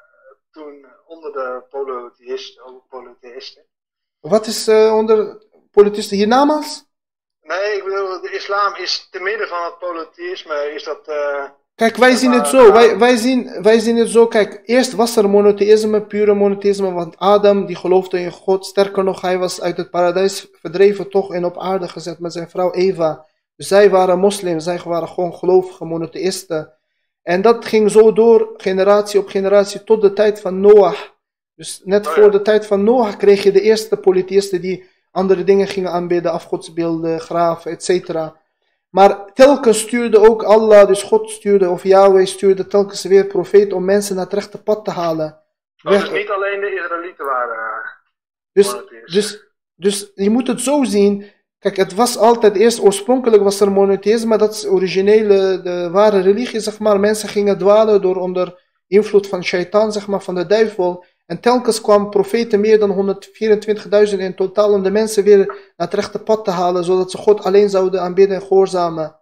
Snap je? Dus de Germanen waren ook eerst monotheïsten. Dat zou kunnen. De- de- sterker nog, er zijn sommige geleerden die zeggen dat zelfs Zarathustra, dus wat later Zoroastrianisme werd, dat was oorspronkelijk ook gewoon de islam. Dat was gewoon een monotheïstische religie. Hij was een monotheïst. Sterker nog, zelfs die Griekse filosofen, Socrates, Plato, Aristoteles, die Ja, geloofden ik ook... heb al gezien op Twitter, ja, Ja. dat jij dat ook zei. Ja, en sterker nog, zelfs Hindoeïsme, kijk, nu geloven ze met, misschien in miljoenen afgodsbeelden, maar als je ook hun boeken bestudeert, de Bhagavad Gita en zo, zij geloven ook dat er één oppergod is. Één Brahman, of zeg maar één oppergod, dat hij de enige ware god is. En aboriginals, Indiërs, die, die geloven dat ook allemaal. Zelfs Confucianism, wat ze in China hebben, als je hun werken, ik, ik heb dat via een boek bestudeerd, zelfs zij geloven eigenlijk in het concept van één god. Hè. Dus dat gaat wel lang terug. Ja, ik moet, ik moet nog maar een keer ehm, meer eh, erover lezen allemaal. Ik heb er toch te weinig kennis van. Ik heb Ja, wel- dat is wel interessant, want kijk, dat komt ook overeen met... concepten. Ook met- met, met de reden. Ziel en zo vind ik ook interessant. Ja, sowieso, en, en, ziel, en, en, en karma en, en, inderdaad. en, en klare, klare Ja. krachten en zo. Kijk, de mensen in verschillende culturen of eh, eh, stammen en tradities hebben verschillende benamingen voor gelijke concepten. Dus zij noemen het karma, wij noemen het qadr bijvoorbeeld. Maar uiteindelijk, als je dat herleidt naar, naar het oorsprong, naar de bron ervan, het komt erop neer dat wij refereren allemaal naar hetzelfde, maar volgens mij komt dat door die Babylonische taalverwarring, dat op een gegeven moment mens, mensheid ging verwarren omdat ze verschillende talen hadden, waardoor ze elkaar niet goed begrepen. Met de Babylonische. Ja, had ook daarmee te maken, klopt. Ze wilden een toren bouwen toch om naar God Ja, bouwen. Dus daarom heeft God als straf, zeg maar, die verwarring veroorzaakt, denk ik. Waardoor Oh ja. En wat is jouw eh, theorie met eh, Indo-Europeanen? Weet je er ook veel van, of niet? Indo-Europeanen, kijk, de Pashto-taal is dat... Die, eh, die precies ontstaan zijn en, en, en, en waar die... Ben, jij, ja, wat, wat, wat, wat is precies jouw... eh, Ik geloof eigenlijk dat de hele mensheid... Kijk, wij zijn sowieso allemaal nakomelingen van Adam en ook van Noach. Noach had drie zonen, Jafes, en dat kun je zien, zeg Ja, maar. die, ja die- toen is dat opgesplitst. Daar Ja. had Albert ook al wat over. En die zonen zijn naar verschillende gebieden gegaan. Precies. En die hebben zich zo verspreid over Ja. de wereld. En die hebben verschillende volkeren Precies. Sommigen werden Chinezen, sommige Europeanen, Arabieren, et cetera, ja. Dus eigenlijk zijn we allemaal broeders van elkaar, alleen we zijn verschillende wegen opgegaan, Ja, zeg heel, maar. heel ver, ver terug, hè? Dat wordt, voor voor identica- identificatie met een groep wordt het wel lastig als je er heel, heel, heel ehm Ja, het is heel breed. uitziet. Maar wat, wat, wat de evolutionisten en de Darwinisten in geloven is helemaal belachelijk. Dat zij denken dat ze van apen afstammen of gelijke voorouders met apen hebben. Ja, nee, dat, dat, dat, is ook, eh, dat geloof ik ook niet. Dat- ik, zeg, ik zeg altijd tegen hen, als jullie dat willen geloven, van mij mogen jullie dat geloven. jullie mogen Ja. daar trots op zijn als jullie geloven dat jullie van af, apen afstammen. Maar sowieso, die hele atheïsme is, ze, ze willen gewoon als dieren gedragen. Ze zeggen ook van mensen zijn zoals dieren. Ze geloven ook niet in ziel en zo. Het is met andere woorden gewoon, ze willen Ja, hun... ziel, ik, vind- ik geloof sowieso in ziel. Ik kan niet, Ja. ik kan niet, eh, ja, ik kan niet bes- beseffen dat mensen niet in, in Ongelooflijk. Maar dat zijn mensen die ook niet in God geloven. Kijk, als ze het ene ontkennen, dan moeten ze wel het andere ontkennen. Want anders kunnen ze dat niet verklaren. Want Ja, het is immaterieel. Ze, kunnen alleen materiële dingen verklaren, maar immateriële dingen kunnen ze niet verklaren. Dus dan gaan ze zo'n uitweg zoeken dat ze het gaan ontkennen. Heel raar. ja, dat klopt, ja. ja. Ja. Maar ik ben blij dat we als, we als gelovigen over veel dingen eens zijn. Zo zie je maar, we hebben veel gemeenschappelijke punten. Ja, dat, dat eh, absoluut. Ik vind het ook altijd leuk om, om, om, om, bepaalde dwarsverbanden te leggen, zeg maar, Ja, tussen eh, bepaalde geloven. Je, er zijn ook allemaal theorieën van. ehm, ehm, ja, waarom? eh, ja, ik weet niet. Ik, ik, ik ken, die, die kerel kent, die Huigen, die heeft ook allemaal theorieën. Die ben jij het niet mee eens als orthodoxe moslim. Wat zegt Maar hij die heeft ook allemaal uh, aanbid Zwijnheer of zo heet hij op Twitter. Oké. En hij heeft ook allemaal theorieën hoe dat allemaal, eh, hoe er allemaal verbanden tussen zijn en zo. Oh, Dus- die, die hindoe-gast die dingen uit Baka- Bhagavad Gita post en zo. ja, ja, klopt. Ja.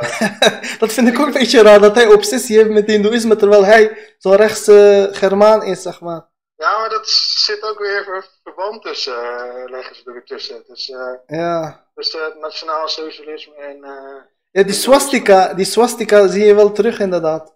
Komt in Swastika was trouwens is, is nooit echt eh, alleen in, eh, in, in India. Hè? Dat is in heel veel plekken in de wereld is die swastika. Oké. Dus Het dat is- is ook zo'n mythe die ehm soort van eh, gepromoot is door Ja. de Marxisten dat het alleen in Zuid-India.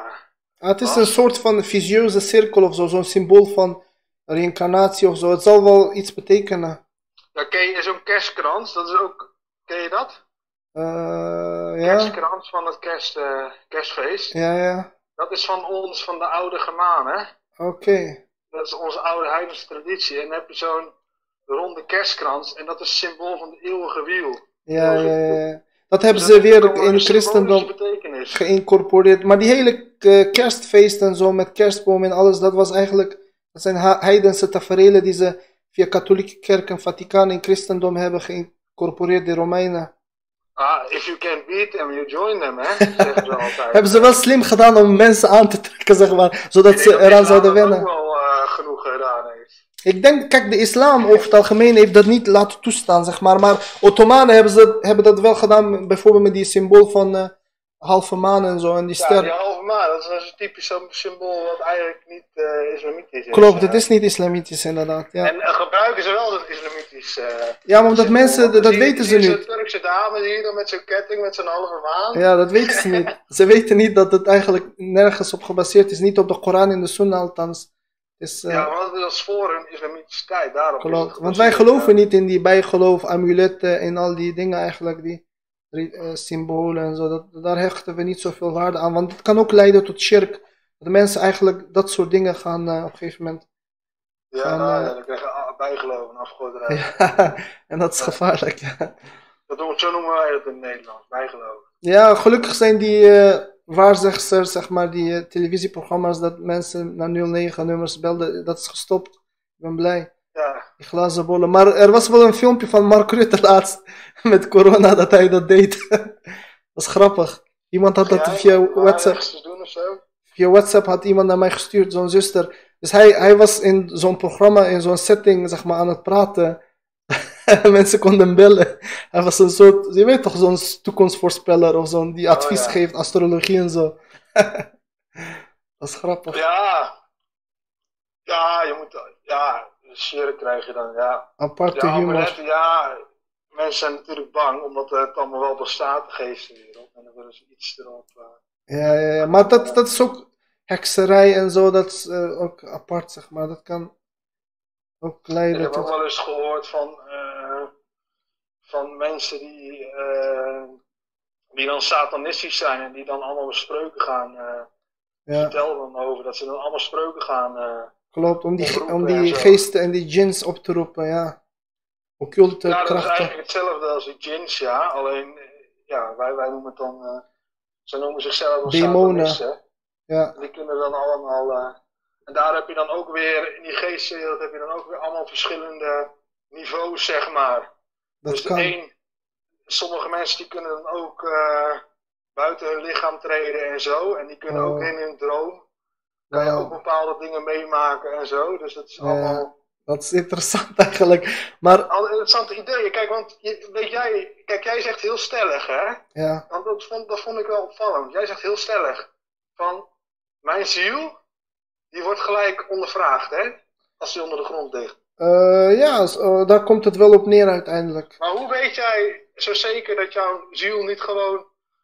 Ja, misschien gaat jouw ziel wel andere dingen doen. Hoe weet jij dat zo zeker? Maar omdat wij geloven wat de profeet Mohammed heeft gezegd. Wij geloven uiteindelijk op de dag des oordeels worden we ook ondervraagd over alles wat we gedaan hebben. Kijk, de, de andere mensen geloven, ze denken dat als je doodgaat, dat de zielen gaan, of de geesten gaan rondzweven van mensen die overleden zijn. Dat geloven wij niet. Wij, wij Nou denken, ja, ja. Ja, sommige mensen wel. ja, Ja, ik heb bijvoorbeeld eh, de Bijbel en daar staat dan niet, staat niet per se in dat je ziel ehm, ja, gaat per se naar de hemel of de hel. Er staat wel dat je moet je wel verantwoorden aan de hemelspoort en zo. mhm. Maar ja, gaat hij meteen naar de hemelspoort toe? Of, of Ik denk ik, dat dat is juist de reden waarom Allah, zeg maar, God heeft de laatste profeet gezonden om deze dingen te ver- verduidelijken. Want in de Bijbel werd het min of meer verwaterd. Heel veel dingen zijn heel wazig geworden, heel vaag. De Joden gingen op een gegeven moment niet eens meer in de hel geloven of dag des oordeels. Maar dat hebben ze expres, dingen hebben ze veranderd, omdat dan, dan, zodat mensen zeg maar niet meer de echte, de waarheid zouden kennen. Dat, dat heeft ook met Nou, machts, machtsmisbruik te maken. de hel. Zeker bij. eh, Ja, eigenlijk. Ja, maar eh, die Jehovah's getuigen bijvoorbeeld, ik had discussie met eentje, zo'n twee vrouwen die gekomen waren. Zij zeiden wij geloven niet in, in de hel. Dat vond ik heel raar eigenlijk. nou, als jij niet gelooft in de hel, dan ben jij geen christen meer. Precies, terwijl zij denken dat ze ultra-christenen zijn, die Jehovah's getuigen. Ja, maar zij hebben ook allemaal andere. Zij hebben ook allemaal delen van hun boeken weggegooid. Ja, dat is heel apart. En, eh, Je hebt echt veel christelijke denominaties. Je hebt echt duizenden christelijke sectes, denominaties. Als je, op Wikipedia stond zelfs letterlijk duizenden. Terwijl ik zou denken, kijk, die Nieuwe Testament, dat bestaat maar uit een paar boeken. Hoe kunnen ze zoveel verschillende interpretaties hebben daarvan? Moet toch duidelijk zijn wat Jezus gezegd heeft? Ja, weet je, eh, er gaan allemaal mensen, gaan allemaal. eh, eh, gaan allemaal.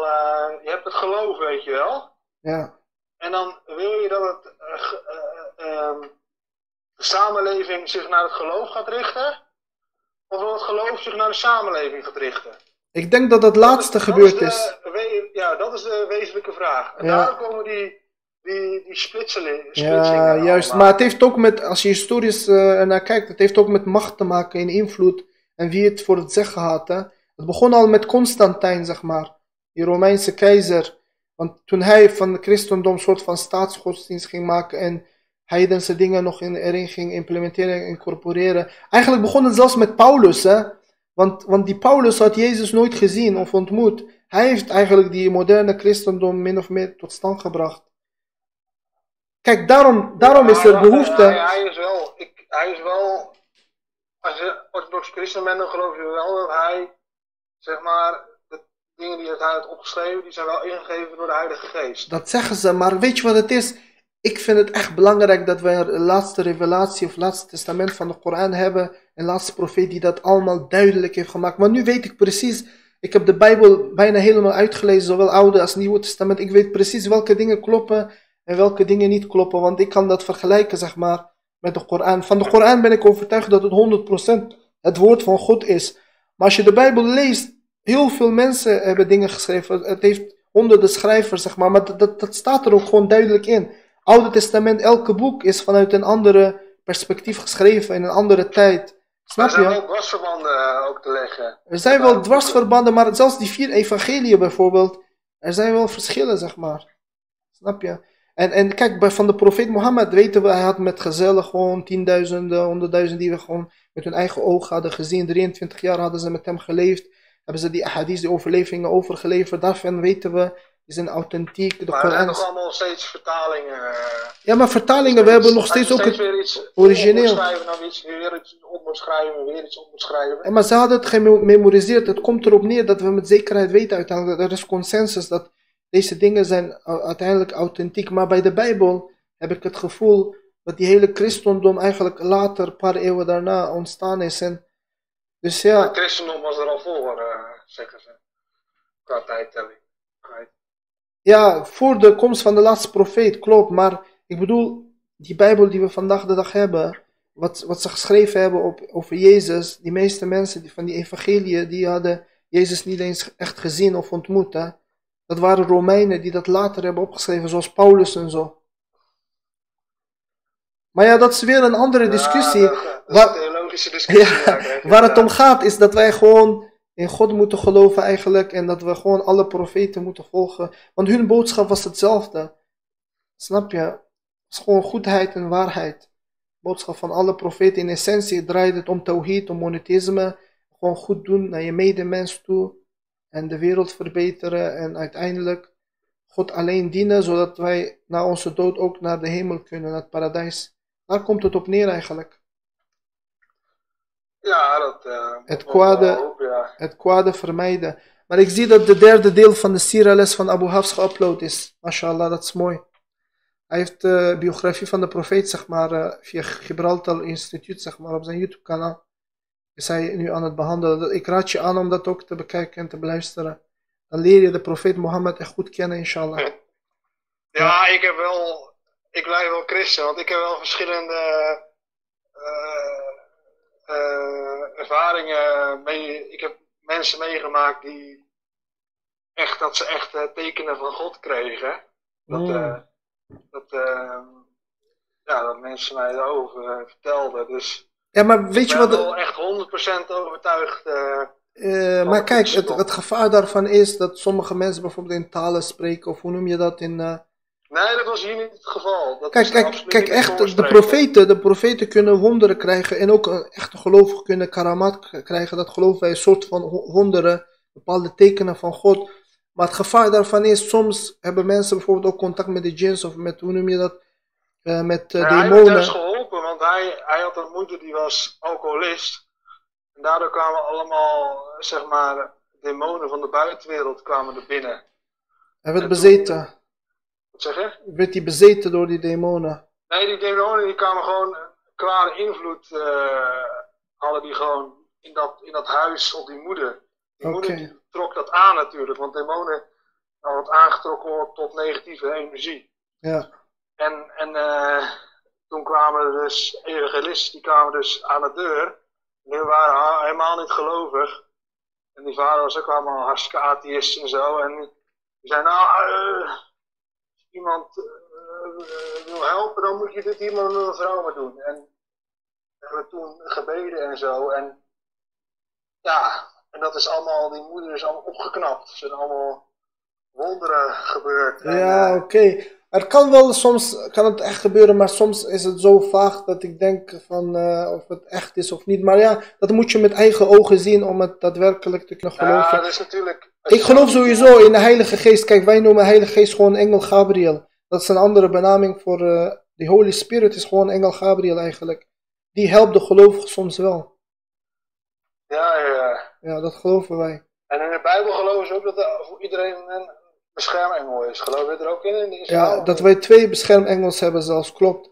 Wij hebben één djinn in Karin, zeg maar, die oproept tot het slechte, maar ook twee engelen die ons min of meer de, onze daden opschrijven, goede en slechte daden, en je ook min of meer beschermen, klopt. Geloven we. Ja. Ja. Maar Maar- je hebt, je weet, heb je, als je Paulus hebt gelezen, dan weet jij ook wel over hoe, hoe hij, hoe hij, ik kom niet aan mijn woorden, hoe hij over vrouwen denkt en zo. Maar heeft Paulus ook zijn eigen boek of bedoel je gewoon de Bijbel, Nieuwe Testament? Ja, ja, het Nieuw- Nieuwe Testament wat Paulus heeft beschreven allemaal. eh. Ja, ik heb die brieven zo- eh, brieven aan de gemeente. Ik heb die allemaal gelezen, ja, klopt. Ik heb bijna de hele Bijbel gelezen.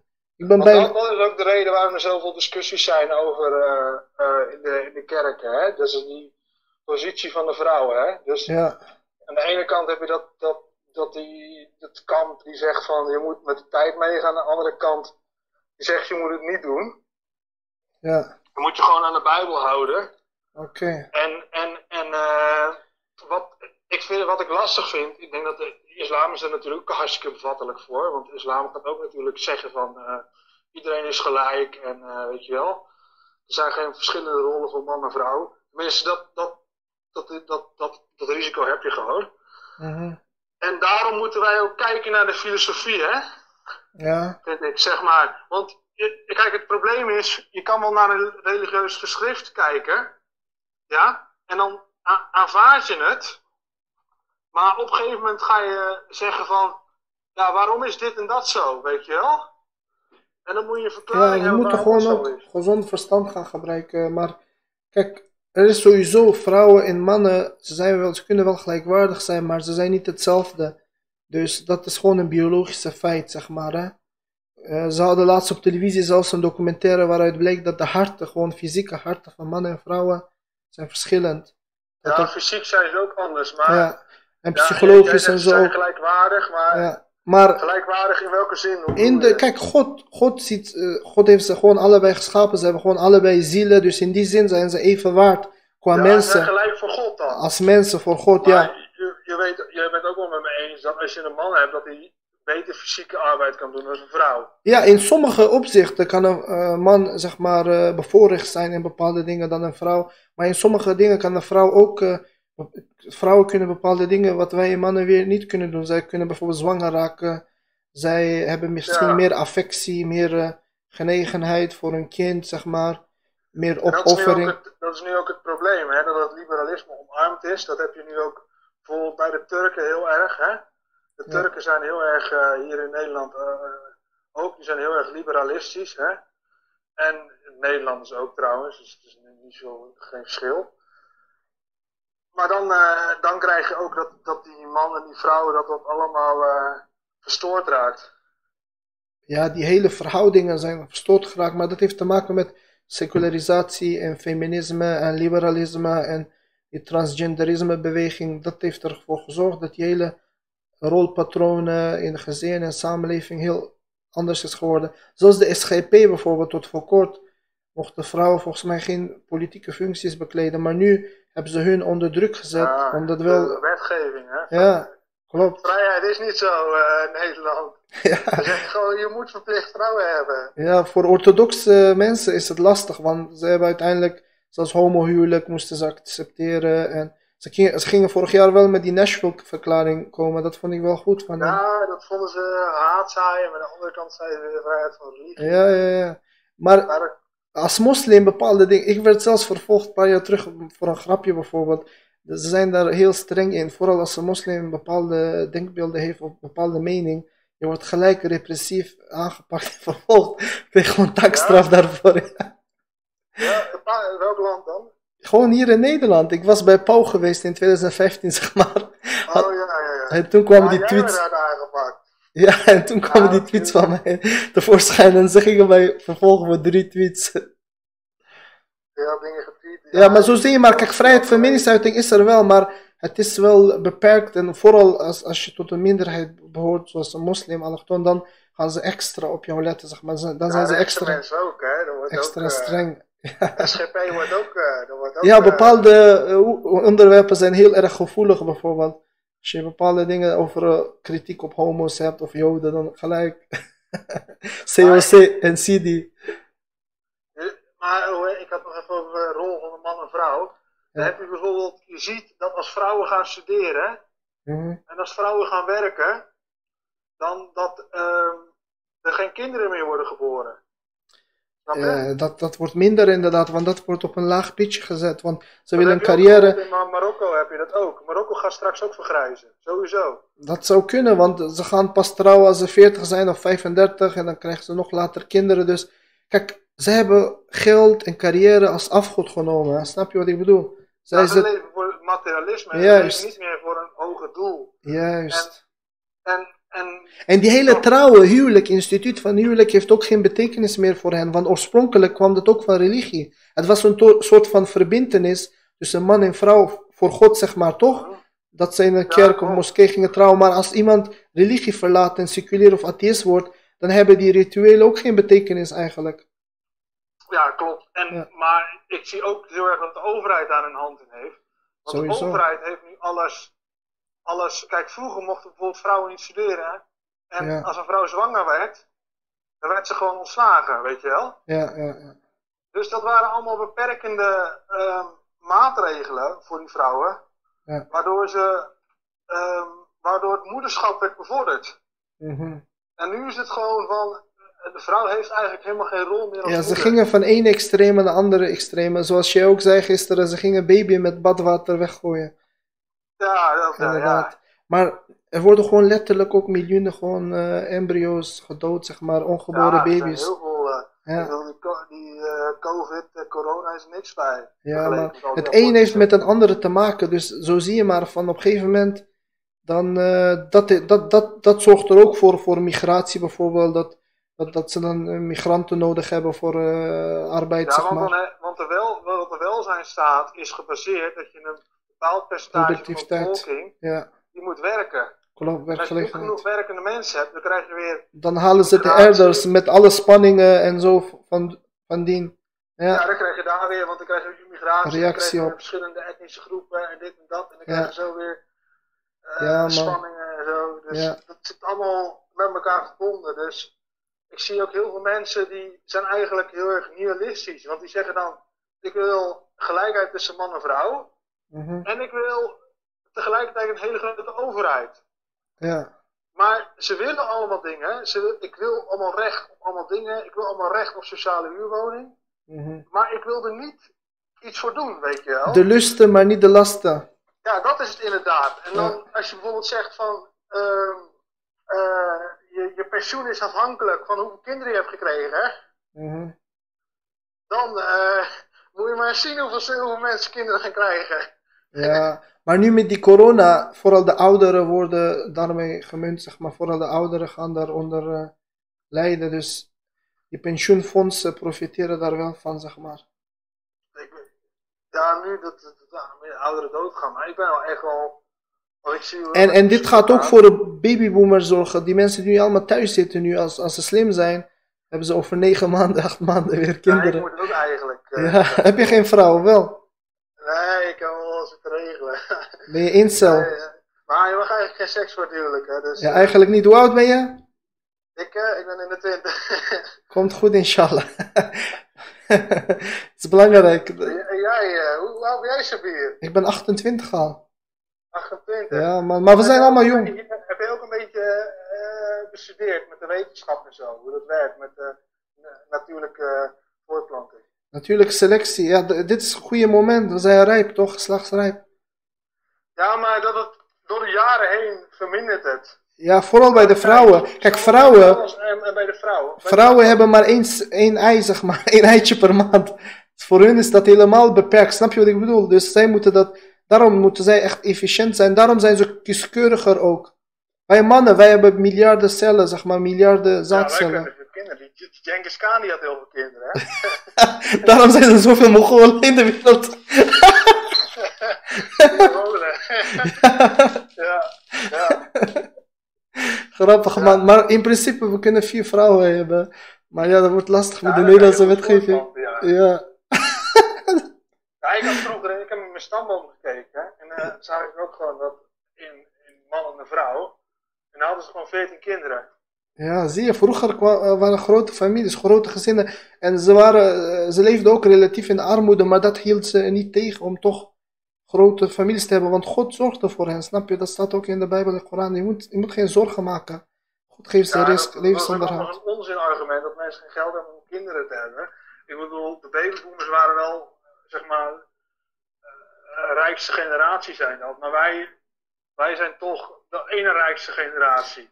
Dus Ja, mensen kregen altijd kinderen en nu zeggen ze dan opeens kan niet meer. Het is te- ik heb er geen geld voor. Het is allemaal zulke onzin. ja. Want mijn, mijn oom bijvoorbeeld. Hey, sterker nog, je krijgt er zelfs kinderen bij slag voor. Ja, als je kinderen hebt, je krijgt nog kinderen bij slag van de staat. Dus ik snap niet dat mensen dat niet eh, gaan doen.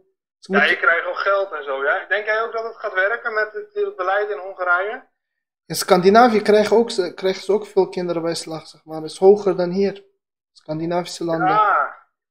Maar ik, ja, ik denk dat het meer te maken heeft met. met, met, met het, het- ik, ja, ik heb zeg maar gewoon onderzoek gelezen en dat, die zegt dat het gewoon te maken heeft met vrouwen die gaan werken en studeren.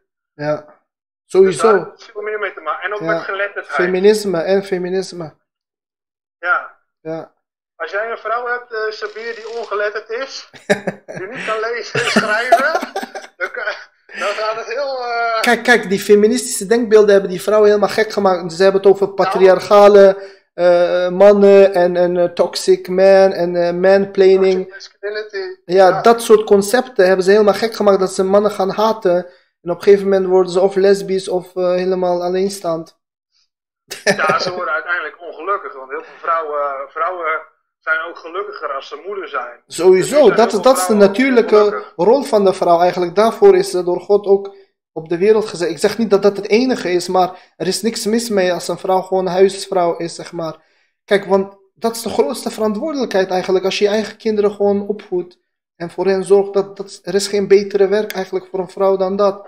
Kijk, wat, wat- het feminisme heeft ze zo gek gemaakt dat ze het idee gaan krijgen dat als ze buiten huis gaan werken voor vreemde mannen, dat dat beter zou zijn da- dan voor jouw eigen kinderen of voor je eigen man thuis. Ja, dat is heel apart eigenlijk, hè. Voor vrijheid. geld. Vrijheid is eigenlijk slavernij, zeggen wij. Ja, eigenlijk wel, maar ze hebben dat niet door. Ze zijn verblind geraakt.